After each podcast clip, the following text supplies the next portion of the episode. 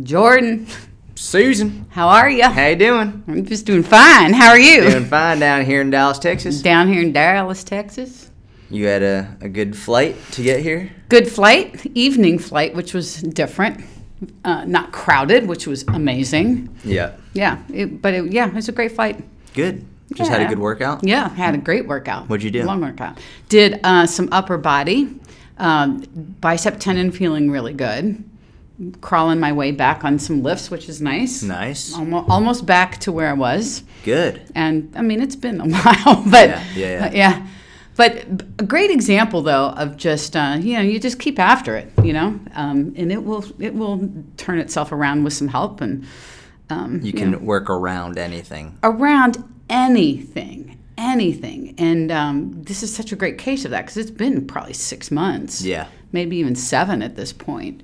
And, and just getting it diagnosed and getting kind of a treatment plan from the doc on that and then training around it. Yeah. You know? You never like stopped working out because of it. No, You no. like you were able to figure out what you could do, what you couldn't do. You dealt with it because it sucked, but you were able to work around it and still still Yeah. exercise. Yeah. And I think that's just such an important message just for everybody, right? Mm-hmm. I mean, just in general, because you don't have to ever stop training. As a matter of fact, that's really the worst thing you could do. Mm-hmm. I, I think. And, and Matt just taught me that too, that um, you're going to not only, well, you're going to compound the problem because now you're going to have a stiff joint uh, on top of whatever injury you have you know Yeah. if you if you leave it alone you know i mean i understand some rest obviously some rest needs to happen at some point somewhere Yep. get that but moving the joint's super important Yeah. it's been a game changer for me. So. Good.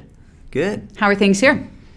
Things are good. Having a baby. Having a baby. having yes, a you baby. are. So getting ready for that, and uh, just telling you how I think I'm gonna turn this office into the nursery, Mm-hmm. and I'm gonna try and get an office nearby.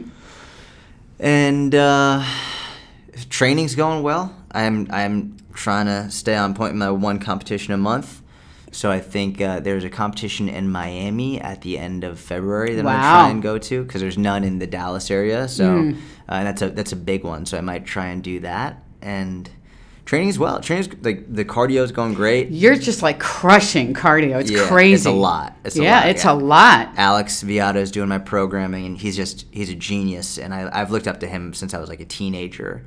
But it's a lot of work. It's it's a very time consuming. That's the issue with with this type of training is it takes a long time. Mm-hmm. It like It's not going to the gym, lift for 30 minutes, and leave. Correct. Yeah, it's exactly right. It's exactly right. So it's been great. I've noticed great health benefits, and I feel really good. And I've noticed my my conditioning improving in the gym. And I just feel great. But yeah, there, there's a the major difference be- between strength and cardio. Aside from the obvious obvious differences, it's just it's just time consuming and, Yeah. and it's boring. You don't really think of it that way, but yeah, yeah, it makes sense. Yeah, it's just boring. It is very. so I've been doing a lot of catching up on on uh, Yellowstone, the TV show. Yeah, like yeah. a lot. I've started that. It's so good. Yeah. What, You know, the are you on the first season? The First season, I'm about ready to finish the first season. Oh, okay. A- And I will tell you this though, I turn on episode one, and the opening scene, they're shooting up, they're having to put a horse down. Oh, and yeah, And I'm like. Yeah, yeah, yeah. what am I watching here? Oh, Why do I want to watch this? I know. It's so good though. You know who my favorite on the show is is Beth. Oh, she. Tim said the same thing. Her her acting is without question the best she, in the show. she's a British actress. Did Is you she? know that? I didn't know that. And he he was telling me this the other day that um, she is a British actress with a pretty heavy British accent. did She's not know working that. super hard. she has so much range in, Yeah. in what she can bring to her character. I like Kevin Costner a lot. I Yeah. like the whole cast, but they've just they most of them just have one one character. They Yeah. have one one like demeanor. Yeah. Whereas Beth can really run like the gamut with her demeanor throughout the entire show, and she can take her so far in so many different directions. I've just been blown away with her acting. Yeah, she's she's incredible. Yeah. she to me at the beginning she was an irritant because I didn't understand what was going on. I really yeah, didn't yeah. understand it. But now that I see the different Beths, because there's a different. It depends Yeah. on the scenario for her, right? It's so funny. You know, like sometimes when you watch a TV show or a movie, there are some scenes or some people that you're like, ugh, like I just don't like when this person's on the cam on this on. I don't like when this person's on the show or the movie. For example, during the Lord of the Rings movies, did you ever watch those? no, I was not one of those. So I never read the books. I did love the movies. The issues were like I just liked the battle and the war scenes. Those Mm-hmm. are my favorite. Anytime Frodo was on screen, it was just an, he was just annoying to me. it was like it, it wasn't fun. It was just he was annoying, and I was like, I don't want to watch this. I just want to watch the war and battle parts. Did you fast forward through it? The first times I watched it, no. Anytime subsequent times, yeah, I fast forward yeah, through yeah. that just so I can watch the cool battles. But with Yellowstone, anytime Beth is on screen, I'm super excited because Yeah. I know I'm going to see some like amazing acting. Yeah. It just draws me into the character Yeah, more. she's really good. She's really good. All right, so we got a Q&A again and some some kind of interesting questions. And a lot of these, I think, a lot of these are, are f- probably from people newer to the training world or whatever. So I really like to address those kind of questions Yeah, too, you know? let's do it. So, okay, the first one. Um, can machines can machines uh, be effective in the gym if you're an obese beginner? Machines can be effective in the gym, period, regardless of who you are, where you're from, whether Yep. you're uh, an advanced, whether you're a beginner. It doesn't matter. Yeah, machines can be great. Uh, it's it's not about we, and this isn't just about machines. This is about any exercise in in general.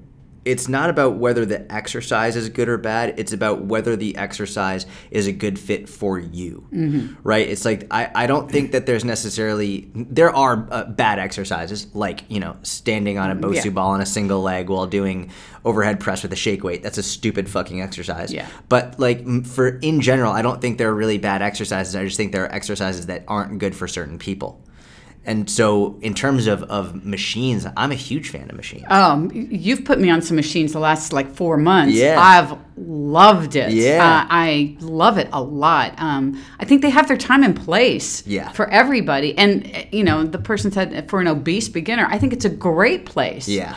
You know, it's it's a, maybe a safer place even um, for somebody. Yeah. You know, um, place to build some confidence. Especially if if you don't have a personal trainer mm-hmm. with you if you're going in by yourself and and you don't know what to do machines can be a, a very easy place to begin because oftentimes there's pictures on there that will show you like the start and the finish side of it. It will give you a, a good place to begin. So you know if you don't know what to do or you have no plan doing something with free weights it, it can be way more difficult and more more scary and more nerve wracking. Whereas if you have the machine, it's on a fixed path. It's it's much more difficult to screw it up. It's way more difficult to hurt yourself. So yeah, I think they're wonderful. Uh, I, I, I what what are some of your favorite pieces of equipment? What are some of your favorite machines? I, I mean, I like the ba- I like the leg. Ex- I love leg extension. I hate leg extension. Not because it's bad, but I just I hate how It- that feels. Oh yeah, yeah. That that one drop set on that sucker was pretty. awful. was awful. Um, that um, um, I'm liking the seated leg curl a little bit better than the lying one. They feel very different. Okay. Um, uh, and part of that reason is that seems to be the one that's always open for me to be able to get into when I have it, as opposed to I just I haven't been around the lying one enough. Um, and I'm a fan. I'm a, I am a fan of leg press. I um, there, we have two at our gym, and one fits me better. Like one is just this big monster machine with two levels of plates and Mm-hmm. a big plate, and I feel like I'm being swallowed Mm. by this machine. It's so big. I don't need that machine. Yeah, yeah, but the one that's right next to it came over from my old gym, and that one is much more reasonable. So I feel a little bit more secure in that. Got it. Okay. You know, I really love the Smith machine. Yeah. I, yeah, yeah, I yeah. really love it a lot. I know there's always controversy around it. And I used to, if you go back in my articles from like 2011, 12, 13, you'll probably see me bashing the Smith machine because I used to be that guy. Over the years, though, I've learned like it's a wonderful machine. It has many great uses. Obviously, in terms of squats and deadlifts, I would prefer using a free weight barbell. Yeah. I think like that would be my preference. There are ways to use the the Smith machine for those if you have to if you don't have access to a free weight barbell but um, in terms of there's so many exercises you can do with it and there's so many like for example one of my favorites is seated overhead press my favorite by far. on the smith machine Yep. i way prefer that over a standard Yep. barbell overhead press A hundred percent, I do too. And that that actually was got me back into being able to press overhead from the original early days with the shoulder injury. Mm. Yeah. you started giving me that, and that gave me the opportunity because.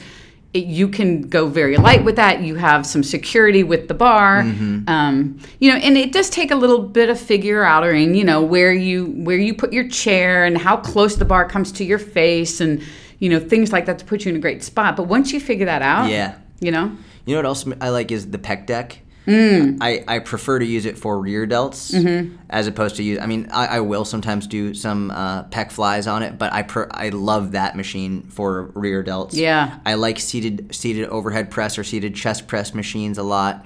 Uh, love leg curl machines. Like I think machines are great. My my old gym had a. It was made by whatever the company uh, the company is that when you actually are in the machine, you you kind of move with it. You're you move with the machine. Um, you guys out there that you'll, you'll know the brand I'm talking about. It'll come to me. Um, they we had a row machine. is it Nautilus? Is No, it- no, it's not Nautilus. it's going to drive me crazy. Um, but a row machine with a chest supported row. Yeah, yeah, yeah. Oh, I love Yeah, that. Oh, yeah, chest supported row is great, yeah. that was great. So, yeah, machines are great. Absolutely. Okay, next question. What's the best exercise to strengthen wrists for push ups? Machine it wasn't free motion, was it? No. Okay. No. I, I, I know what you're talking about. That There's a whole series of machines like that. No. Okay, sorry, I didn't even listen to your question. I was just trying to Okay. think what they. What's the question? Um, what's the best exercise to strengthen wrists for push ups? Got it. Okay, so usually when someone asks this, their odds are they're having some wrist pain when they do push-ups, and there could be any number of reasons for this. Um, oftentimes, it's just because you haven't built up the tolerance for it yet, and you will get it over time. It's sort of like when people say, "How do I like? What do I do if the bar hurts my back when you when you're squatting?" And some, sometimes you just gotta put it on there Yeah. until the point where like it's it's calloused enough, and Yep. it's just like you get used to it. Um, with the push-ups though sometimes what'll be happening is i've noticed people will they'll have their hands either too far back sometimes too far forward and it will extend their wrist too much. And so what you want to do is you don't want you want to figure out a way to make sure that your wrist isn't extended back too far.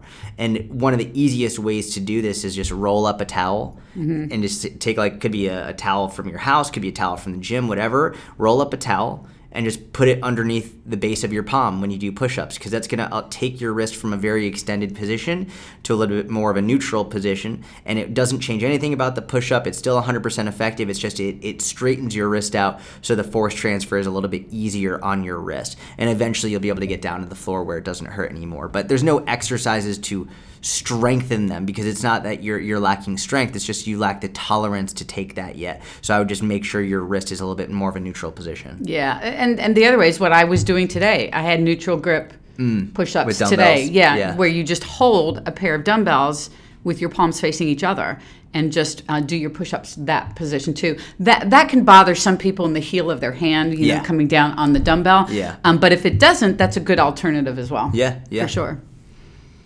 Okay, next one. How much weight gain to expect with a reverse diet? It depends how you do it, right? It really Yeah. depends. I mean, if you're doing a reverse diet where you add in like outrageously slowly, like you add in calories like, I don't know, 25 calories a day or something ridiculous where it's just minuscule, minuscule, minuscule calories, you might add weight very slowly. You might not even add weight at all, to be right. Like you could end up going like losing weight, and a lot of people actually do end up losing weight on their reverse diet, especially at the beginning. Um, but if you end up reverse dieting a little bit more quickly, anytime you put more food in your body, and I'm not talking about body fat, I'm talking about when you put something in your body, like I'm drinking a glass of water right now, when I put water in my stomach, imagine if you have an empty pail versus a pail full of water. Which one's harder to pick up because Yeah. it weighs more, the pail full of water. So if you put more food in your stomach, you're going to weigh more. If you put more water in your stomach, you're going to weigh more. So if you add in more quickly and you have more food in your stomach, you'll gain weight a little bit more quickly. And again, it's not because it's fat, it's just you have more food and, and liquid in your stomach. So it depends how quickly you go. Some people lose weight initially. Oftentimes, and this will happen, this is one of the reasons people get confused about reverse dieting. It's like, well, how am I eating more and losing weight? Oftentimes, it's because if you were massively restricting beforehand, and and then you decide to in your let's say you're massively restricting you're in a calorie deficit and your weight seems to have stalled out a lot of times that you're in a very high stress situation and cortisol will increase so your body's holding on to water. You're still losing fat because you're in a calorie deficit but maybe the scale isn't changing because you're holding on to more water. So then when you slightly increase your calories and your body can relax a little bit and cortisol drops then that water will flush out and that's when you have a whoosh and you start to lose weight from eating more calories it's not because you needed to eat more it's just because your body was in a stress response and had you kept going that way, it eventually would have dropped. But by you slightly increasing calories, you reduce your stress and you reduce the water retention that your body has. So it, the long roundabout way of saying it depends on how quickly you add it back in. I think people sometimes view that as it's a free for all. Yeah. You know? Yep. And then, yeah, they, they put on five, six pounds very quickly. Um, and, and it still may not be fat, but if you're going to put a lot of calories in back in very very quickly then yeah of course the scale's going to go up Yeah. you know Same thing when people start to go into a calorie surplus. They look at it as a free for all. Oh, yeah. They Oh, gain yeah. back. They put Oh, calories yeah. in, and they and they change their diet completely. They start eating lots of pizza and ice cream and da da, Uh-huh. so they can eat more. And then they're all of a sudden two weeks in, they're like, I've gained seven pounds, and Right. it's like that was too quick. that was way too quick you know it, it's interesting because that um, it doesn't take much it doesn't take much for you to rev- reverse and this whole reverse i feel like reverse diet is a big it's a it's a little ca- Buzzword, yeah it's yeah. a big buzzword isn't it i mean Yeah. basically you're adding calories back in to get to back, back to a maintenance kind of thing Yeah. right where Yep. you're going to hover in that little weight bubble for a while Pe- the the the term reverse diet it's such a, a great term whoever made it up i don't know who made it up but Mm-hmm. Yeah. someone made it up and it's such a great term because people are like that sounds amazing and that's really when you think if you know anything about marketing i studied marketing for several years and when you want to sell a product one of the most important aspects of, of selling a product is coming up with something that is unique mm-hmm. that has a unique twist on something that's very common so when you when you call it a reverse diet well all, well that that sounds unique That What's it that? sounds cool because it sounds like I might be able to instead of eat less, I might be able to eat more. exactly right? yeah so it's it's that's all it is it's it's just like you just said it's you add some calories back in very slowly until you work back up to maintenance Yeah. that's all a reverse diet is Yeah. And in, in, in the inner circle, that we talk about that in our uh, transferring into maintenance manual Yep. and, and how to do it slowly. So you don't get this massive um, weight gain and then freak out because so much of that is going to be a mindset thing. Yeah. If you've been spending your life trying to get the scale to go down, you know it's going to kind of go back up. You're thinking automatically, okay, it's fat, it's fat, it's fat, it's fat. But if you take a step back from all that emotion and think, well, wait a minute, I haven't been adding that much that much. It can't be fat. I mean, Yep. you have to really step out of that and, and look at that logically. Yeah, it's a, it's a mind fuck. It can really screw with people's heads when they start to see the scale going up a little bit, and it's you. That's where you know having accountability and having a group or a community around you to encourage you and support you. Because in our own heads, we're our own worst enemies. Oh, 100%. Where it's like you see the scale go up, and you're like, oh no, and then I'm gonna go back into a deficit. It's like no, don't go into a deficit. Keep, stay, Mm-hmm. keep going. Like stick with the process. Don't give up, and that's where it can be helpful to have that group of people around you. And because most people follow this cycle of I'm going to be in a calorie deficit, and then they're like, all right, well now I'm going to try and gain weight or go in go into a calorie or maintenance or surplus, and they do that for two weeks, and the scale goes up a little bit. They're like, no, I'm going back into a deficit. Then they're in a deficit for a few weeks, and they're like, well, I lost my energy. I don't want to be in a deficit anymore, so I'm going to go into maintenance, and they, they repeat that cycle over and over, and they spin their wheels and never make any progress. Yeah, yeah. Okay, next one. Uh, weight training versus body weight training. Same benefits for muscle gains. No, No. No, um, body weight training is great, and there are and we have an entire body weight program in the inner circle, and I think it's wonderful. But there's a reason why gymnasts use only body weight, and gymnasts don't look like bodybuilders. Yeah. There's a reason why. Like Yeah. the, the the most elite gymnasts in the world, they don't look like body. They have tons of muscle. They got a lot of muscle, and they they look amazing. I'm not saying they don't, but there's a reason why bodybuilders can't do what gymnasts do, and there's a reason why there's a reason why gymnasts don't look like bodybuilders. Mm-hmm. Right? It's like the in terms of in the, the question you have to remember the specific question was, can you get the same benefits from bodyweight training as you could with weights for muscle growth? We're not talking about for athleticism. We're not talking about for health. We're not talking about just for exercise in general. We're talking specifically muscle growth. And you can build muscle with body weight, but at a certain point, it will not be enough to continue to build muscle like you could with weights. Yeah, I think I, I get asked a version of this all the time, and people want to get the benefits of lifting heavy weight without having heavy weight. Yeah. And I mean, you can't do that. Right. I mean, you can't recreate heavy weight unless you have heavy weight. Yeah, it's like how can I how can I make more money without actually making more money? Yeah. Like right, that's Yeah. what they're asking. Yeah. It's like how can I how, any of that stuff. I, that being said, you know, beginners, yeah, you, you, you will see progress body weight, obviously. It's a great place to start. Um, but at some point, you, you're going to need more. and we always include body weight exercises in oh, our Oh, yeah, training. absolutely. Like you were doing body weight exercises, you're doing push-ups today, yeah. chin-ups, whatever it is. Like we we in, love and incorporate body weight exercises. They're another tool in your overall training toolbox.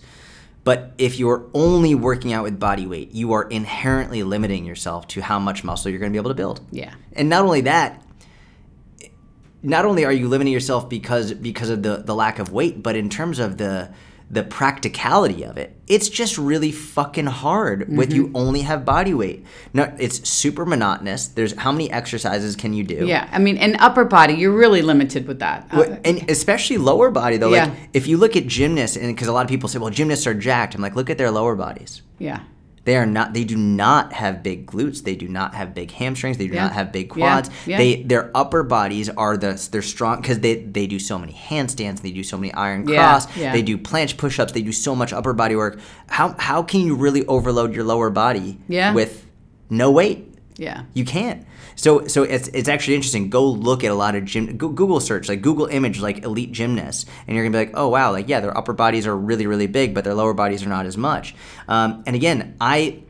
I'm gonna put my kid in gymnastics. That's the first sport I'm gonna have them do because I love it and it's amazing. It's an amazing sport. But specifically for muscle growth, it's not nearly as effective as doing uh, strength training with actual weights. Yeah, absolutely. Okay. Next one. And we answered this similar question today in our uh, Inner Circle Live, actually. And it's about being an intuitive eater and a- being able to, to lose fat. Yeah. Can, can you? What do you think? Well, it, yes. I mean, the, the short answer is yes, you can, but there's a caveat to that. And, th- and that is you need to be a good tracker, a good calorie counter kind of person. You need to know your portion sizes. You need to have experience there. Because I feel like people jump to the intuitive side very quickly. And, and, um, and and they use you know it, an intuitive you know listen to your body well my body will say it wants chocolate cake all the time Yeah. right okay well you Yep. can't always do that right so um, I I think to lose fat and being an intuitive eater it can work if you have the background to come from you know counting and portion sizes and all that Yeah. Yep. And uh, like we spoke about on the Inner Circle Live earlier today, there's there's the way that intuitive eating is often perceived as as in like just people think okay, eat whatever you feel like eating at any point in time, whatever your body tells you. Versus there's a book that's actually called intuitive eating, and and there is a difference, right? In the book about intuitive eating is written specifically for people with disordered relationships with food and it has nothing to do with weight loss. So for example, if you ever bring up intuitive eating and weight loss to someone who is a, an avid follower of this book, they will immediately stop you in your tracks and say intuitive eating is not meant for weight loss. So if you're talking about intuitive eating in the way that the book defines it, it's not meant to be done for weight loss. It's actually meant to be done to improve your relationship with food. And in that book, there are some things I like, there are some things I don't like. I'd say it's a it's a good book and a good read, but if you want to lose weight, that is not the book you should be reading. Um, for example, one of the things they talk about is is if you are hungry, feed yourself when you're hungry. And if you're if you're someone who struggles with disordered eating, anorexia, bulimia, anything like that, yes, absolutely. Like that's something you do not want to be making. You you don't want to be hungry. Like you want to you want to fill up. You want to you want to be able to eat and get full because it's a really important thing that a lot of times people will struggle with when they struggle with disordered eating. But uh, assuming you're not struggling with disordered eating and you want to lose weight and you're in a calorie deficit, hunger is normal. Yeah. And it's not an emergency like Susan says all the time. It's not a bad thing. Hunger is a normal and expected part of being in a calorie deficit and losing weight.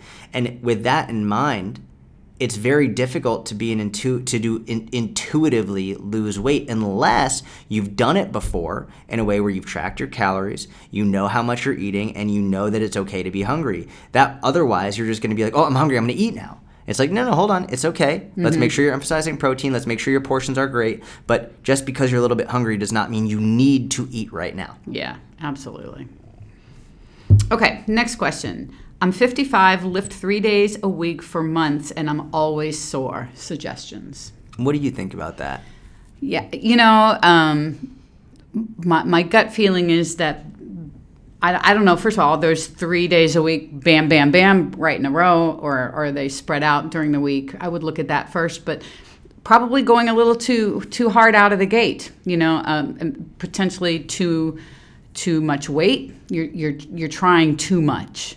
Um, the intensity is too much for where you're at right now if you're not able to recover. And then, are you giving yourself enough recovery time? For that matter are the three are the three days maybe you need instead of going monday wednesday friday maybe you go monday thursday sunday and do a kind of rotation that doesn't fit into a, a week in a nice little package mm-hmm. something like that until you can give yourself you know a little bit more time to recover and then hopefully the soreness will go down yeah there, there are a lot of variables here that i don't know based on what you said mm-hmm.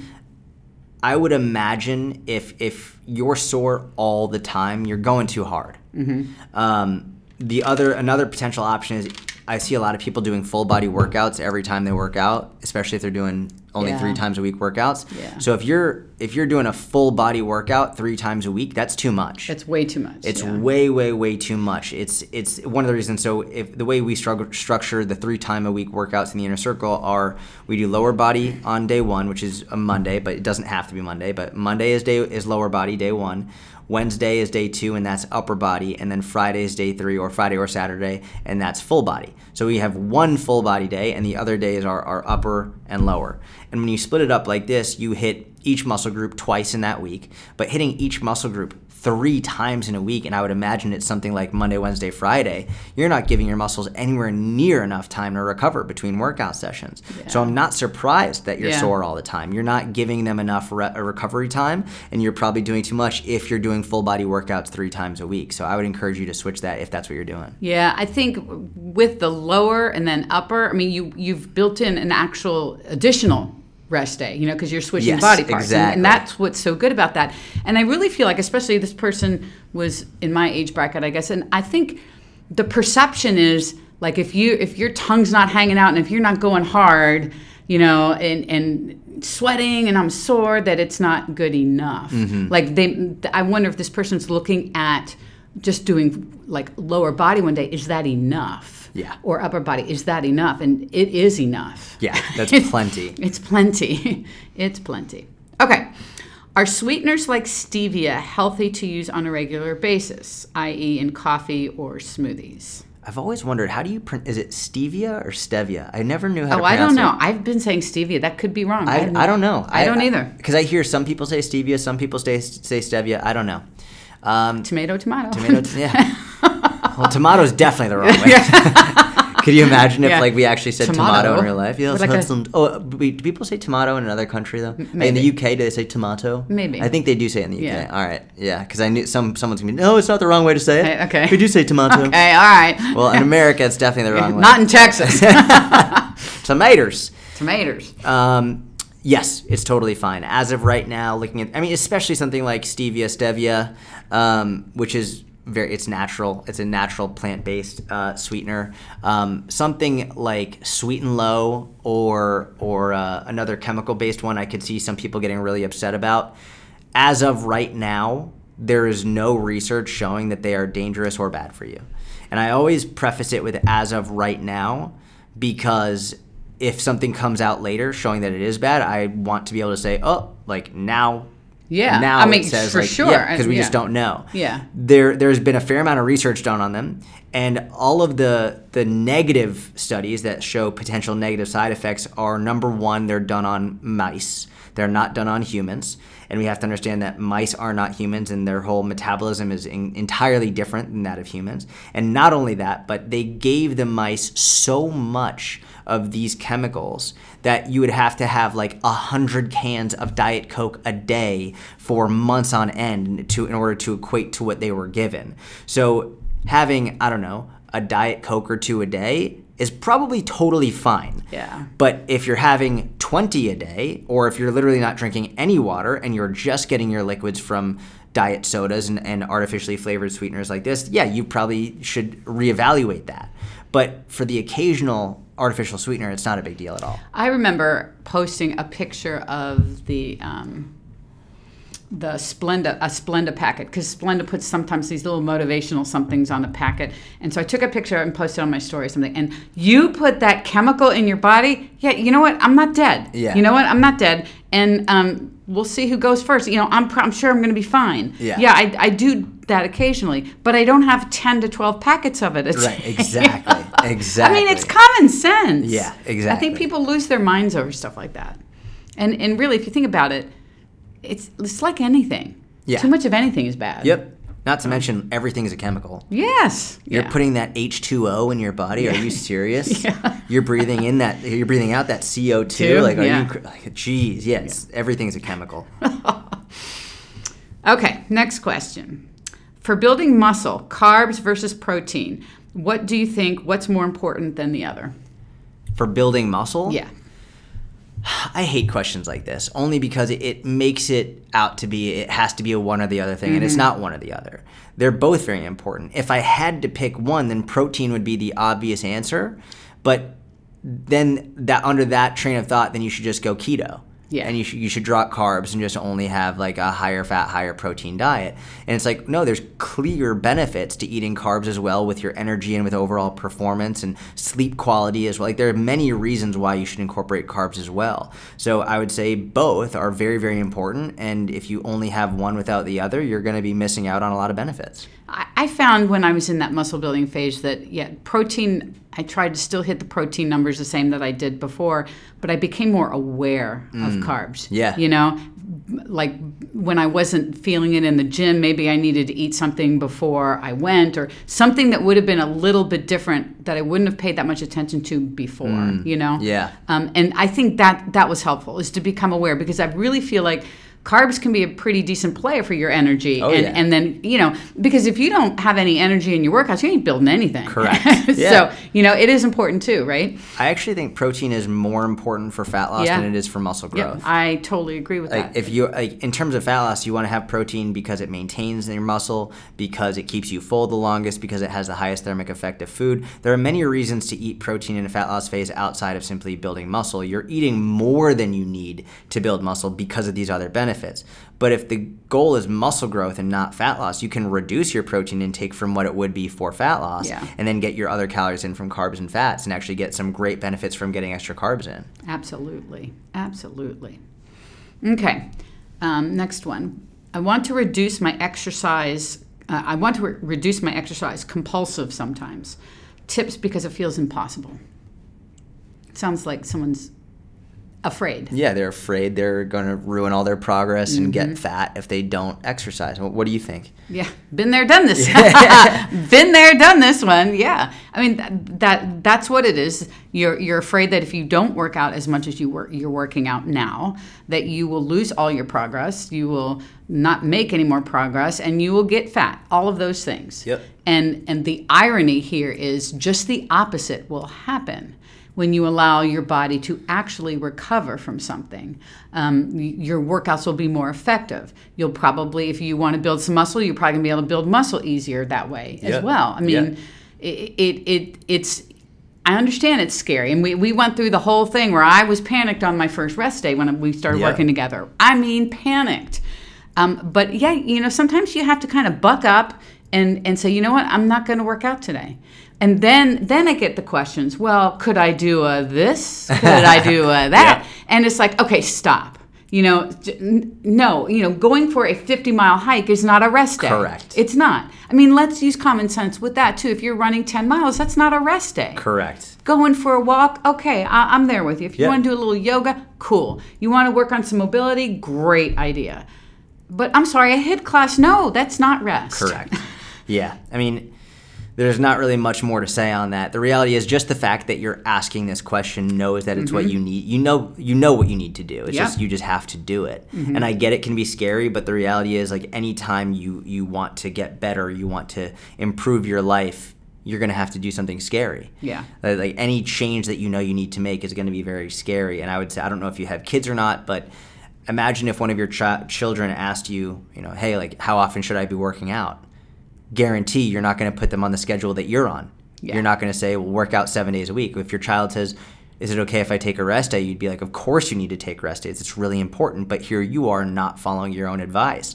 So just like Susan said, buck up. Like make the hard decision. Mm-hmm. Do what you need to do that you know you need to do. It's why you asked the question in the first place. And what's going to be great is in four weeks, after doing this for four weeks straight, you're going to be like, I feel way better. I haven't gotten fat. I can keep going with this. And you're going to see progress that Yeah. you've never seen. Yeah. Yeah, for sure. Absolutely. Okay, here's one.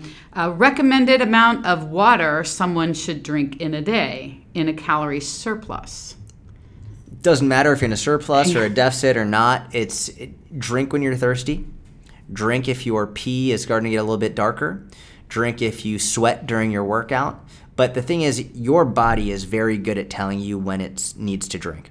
You're going to get thirsty, Yeah. right? So, so drink. I wouldn't worry about putting an exact number of ounces on it. Just drink when you're thirsty. Yeah, have water available to you. Make it easy on yourself. Yeah. You know, you carry around the, the water thing. I, Yep. When I'm at home, I do the same thing. I have a water thing. We always have water here. You know, we always have like two or three drinks out here.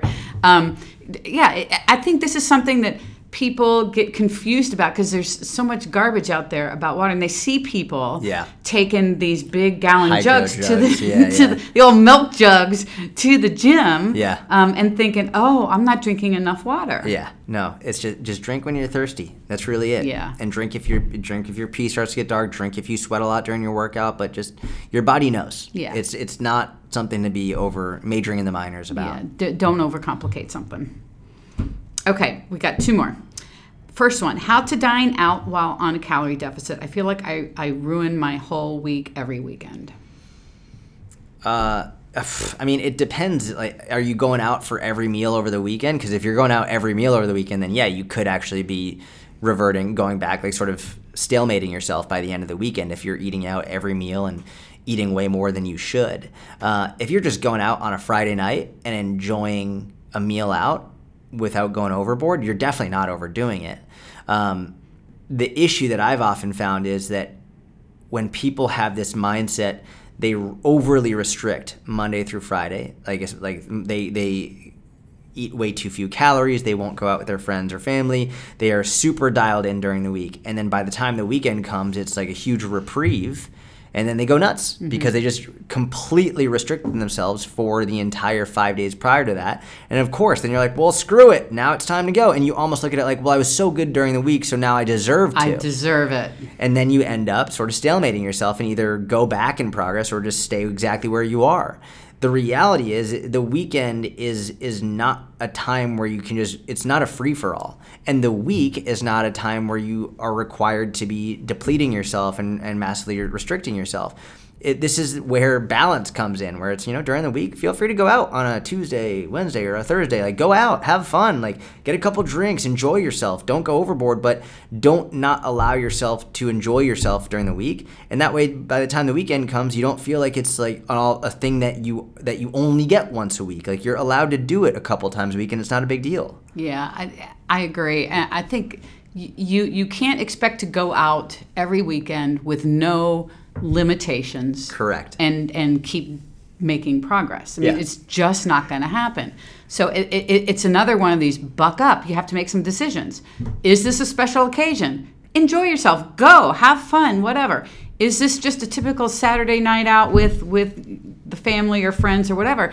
Well, then make make some decisions before you go. You know, I'm going to have one drink, or I'm not going to have any drinks, or I'm going to have the. You know, m- make some decisions. Give yourself those bright lines, the guidelines before you go, because Yeah. it's not a special occasion. You Yeah. know, I mean, you, you have to figure out what's what, because that's how you're going to be able to still enjoy yourself, still do these things, and still be able to make progress. Yeah. You know. Yeah. If it's your birthday, that's a special occasion. If it's Marsha from accounting's birthday that you don't even fucking like, that's not a special occasion. Like that's you don't have to have the cake just because it's Marsha from accounting's birthday. You know, it's you know what I mean? It's it's there's always going to be someone's birthday, someone event, something special going on, but if, if you have to decide what's important to you and and frankly for me right now, being super lean is not important to me. Yeah. It's not. So like I enjoy myself. I have several drinks throughout the week. Like I eat since my wife we figured out she was pregnant, I think we've eaten out literally every night. Like every single night. And I've put on a little bit of weight, but it's like I don't care. Yeah. I don't mind right now. But if I was in a place in which I was like, you know what, I want to lose weight, I want to be leaner, then you better fucking believe I would be cooking for myself more and I would be a little bit more strict. And these are choices that you have to make. Yeah, I think that's what it boils down Yeah. to, right? You, ha- you have to kind of pull up the the big girl guy panties, whatever, and, Yeah. and do what you need to do. Yeah, that's you know? Okay, last one. Totally kind of different track here too. Um, advice for a 40 year old new career as a personal trainer. Uh, oof, there's a lot. Yeah. There's a lot to say. I think it's uh, welcome. Super Yeah. excited to have you. I think Absolutely. that's awesome. I would say the number one thing to do is to spend a lot of time studying and researching. There's, and and you don't have to go to school for this. I, I think school is massively overrated for especially for this specific job. Um, you can learn everything for free online. You don't need a certification if you don't want. There are other potential reasons why you might want a certification, but I would spend time reading. Like, you do not educate yourself on Instagram. That is not where you spend your time. You go buy books. Uh, go like I have two articles on my website. I have one article. If you Google like uh, nutrition, like books for nutrition coaches, Jordan Syatt, and if you Google books for strength and conditioning coaches, Jordan Syatt, both of these articles will come up. There's a list of books that I think every nutrition coach and every strength coach should read. Um, you just go to my website and you, or Google those and you'll find those. So read books, read long form articles. That's where you're really going to learn the most. I know nowadays no one they're just on TikTok and Instagram Yeah. and they think they're going to learn everything. That's not Yeah. that's not where you're going to learn to be a good coach. Yeah. So I would do that. I would spend time researching. I would find people in your area, whether it's your family or your friends or your neighbors, whatever it is, and offer to coach them for free. Just say, hey, listen, I'm a new coach. I don't want to charge you because I'm still learning, but I'd love to coach you for free, and and that way you'll learn and you'll get better. Coaching people in person will make you a better online coach. Coaching people online will not make you a better in-person coach. So coach as many people in person as you can, whether you have to go to their house to do it. Maybe you open up a little gym in your garage and invite your neighbors over. Whatever it is, I, I think those are the two best places to start. Yeah, I, I couldn't agree more. And you know, I, I'll say you specifically mentioned about the four, you're 40. Get that out of your head. I, I, I, I understand why that comes out. Like it, it because the industry is much younger than that in Yep. gen, in general. Yeah, it's more of a young person's It is. industry. It, yeah. it- I'm getting on the older side of the industry. Yeah, now. which is crazy. Yeah. Because just where's that putting me? oh shit. Um, but that being said, everybody welcomes everybody. To be honest, I, I really feel like age is not a thing, and and and I, from the perspective of can you be a good trainer? It- age is not the the, the Yeah. thing. You know, it that that part doesn't matter. Helping people for free is really where it's at. And and How old were you when you became a coach? My quick math i don't know 50 Yeah. or something like that maybe maybe upper 40s or 50 i, I So would have to about a decade after they are. Yeah, Like, yeah. you're good. yeah They're fine. i mean yeah uh, yeah 40s are to me- relevant. to me 40s young so whatever but um, the, the, the age is not the important thing the important thing that is that you want to help people that's your motivating force not not that i'm going to be making a crap ton of money because you know this is not the most lucrative business in, in the entire world but if you want to help people and you have a passion for for what you're doing you're going to be great Yeah. If your goal is to make millions of dollars, you need to find a different industry. yeah for sure Yeah, you just do. This is not that industry. If your goal is you you want to help people and you want to help people improve their health and their fitness because this is what you're passionate about, great. And if you want to also have a goal of being able to support your family with a great business, this is this industry can do that for you. Yeah.